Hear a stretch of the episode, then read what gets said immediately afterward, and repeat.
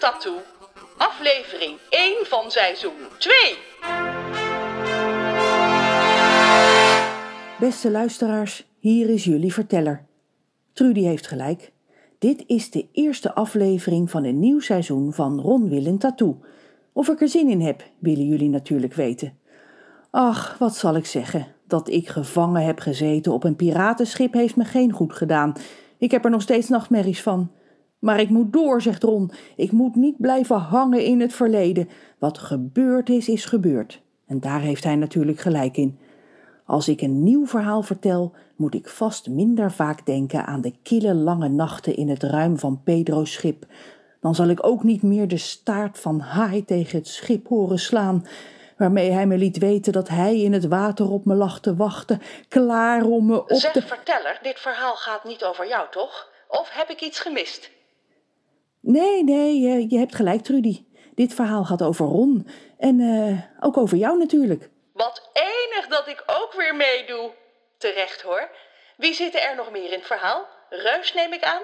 Ja, Goed zo. Wat mij betreft mogen die kettingrokende kraai en die ordinaire John opzouten. En mijn moeder ook, met haar cruise door de Noorse fjorden. En ik heb helemaal geen trek in een reunie met die schoft van een Pedro. Maar daar heb ik zeker niks over te zeggen. ik ben bang van niet. Hun aanwezigheid in dit seizoen is gewenst. Pedro uitgezonderd natuurlijk. Die zien we nooit meer terug, hoop ik. Uitstekend. Maar in deze aflevering ben jij alleen te horen. Want voor het verhaal is het nodig dat ik eerst een ander verhaal vertel. Het speelt zich lang geleden af, ver voordat wij allemaal werden geboren. Zelfs je moeder was er nog niet, Trudy, en die is toch best oud. Ja, dat zie je wel aan haar halsrimpels.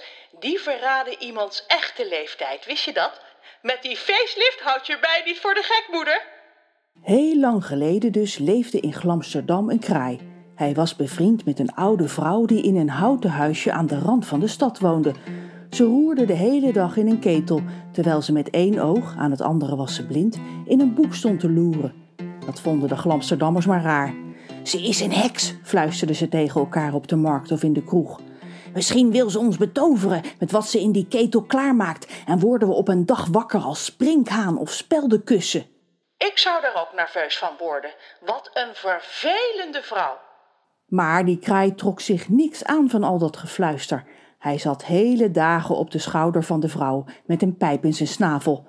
Daar heeft onze kraai zijn rookverslaving van geërfd, want hij is een achter, achter, achter, achter, achter, achter, achter, achter, achter, achter, achter, Stik er niet in, kind. achter, achter, achter, achter, achter, kleinzoon van de kraai in dit verhaal.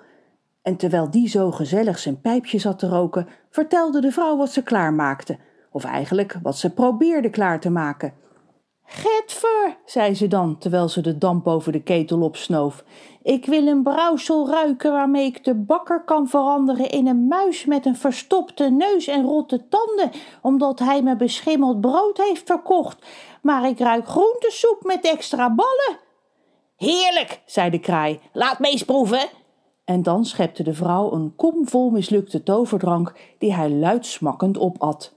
Dag in dag uit was ze aan het roeren en vloeken, want alle drankjes die ze bedacht draaiden op niks uit. Of op niks, het drankje voor de achterbuurvrouw, doel omtoveren tot bemoste wc-bril wegens de opmerking wegwezen eng mens, bleek de beste kroketten ragout die de kraai ooit had gegeten. En alle ingrediënten die ze in de ketel gooide om de kleermaker te straffen die een speld had laten zitten in haar vermaakte jurk, smolten samen tot een chili con carne die betoverend lekker was, maar niet de toverkracht bezat om iemand te veranderen in een schimmelende stoeptegel. Ik zal je eens wat vertellen, Trudy. Deze vrouw was een belabberde heks, maar een geweldige kok. En weet jij van wie zij de over, over, over, over, over, over, over, over, over, over, Voorzichtig, denk toch om je gezondheid. over, over, over, over, over, overgrootmoeder was? Ik geloof niet dat dit me iets kan schelen. Van John. Leuk, hè? Wel nee. Niet dat het verder belangrijk is voor dit verhaal, maar ik vond het wel leuk om het te vermelden. Goed. Op een dag hadden de inwoners van Glamsterdam genoeg van de dreigementen van de vrouw. Ze hadden intussen door dat ze een heks van niks was en lachten haar uit als ze riep dat ze hen zou veranderen in een spin die zich zou laten opeten door een vlieg, of een afwasborstel die allergisch was voor water. Maar ja, de sfeer in Glamsterdam leed er wel onder. Dus spraken ze met elkaar af dat de vrouw de stad moest verlaten en dat ze haar daarbij een handje zouden helpen. Met z'n allen trokken ze naar haar huisje en bonkten op de voordeur.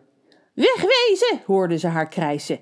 Ik moet me concentreren, want deze drank gaat lukken. Ik voel het. Niks daarvan, riepen de Glamsterdammers. Pak je spullen en verdwijn. Maar geef ons eerst een bordje van wat je aan het koken bent, want dat ruikt heerlijk. Goed, goed, ik ga al, mopperde de vrouw en ze deed de deur open. Jullie mogen die ketel met wat erin zit hebben. Ik ga in een andere stad een nieuw leven beginnen en daar zal het me wel lukken om iedereen te betoveren. Jullie zijn mijn drankjes niet waard.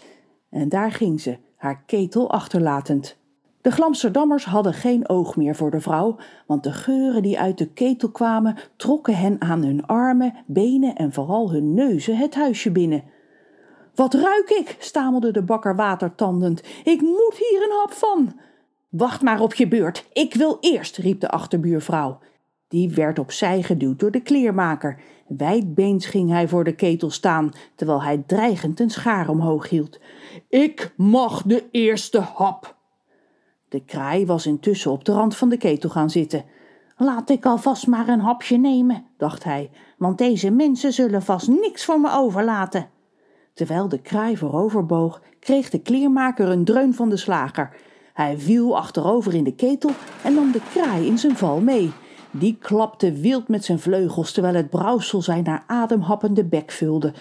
Wat de kraai proefde was overheerlijk, maar hij had geen tijd om ervan te genieten. Spartelen en watertrappen moest hij, want als hij kopje onder zou gaan, zou hij zeker verdrinken. Een kleermaker en een kraai in een ketel, dat moest wel fout gaan. En dus rolde de ketel van het vuur en belandde de inhoud op de vloer. De Glamsterdammers verlieten teleurgesteld het huisje. Ze hadden wel trek, maar het ging hen te ver om de vloer schoon te likken. De kleermaker kwam steunend overeind en keek naar de kraai die nog op de grond lag. De vogel zat van top tot teen onder de smurrie. Was het lekker? vroeg de kleermaker.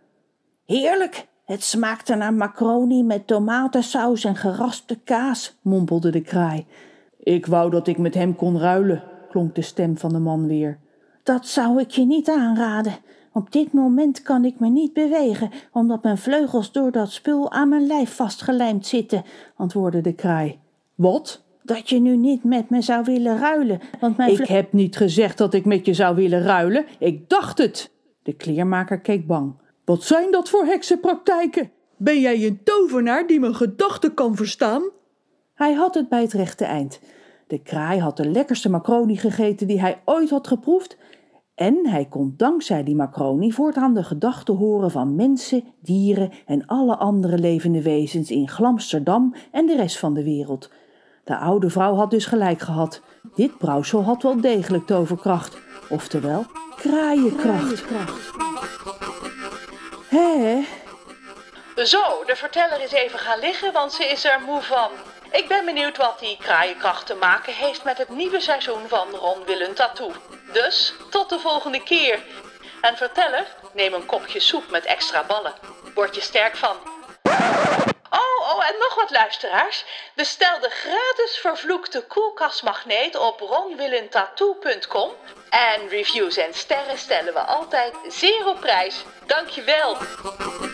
Ron Willem Tattoo is geschreven en geproduceerd door Margot de Graaf.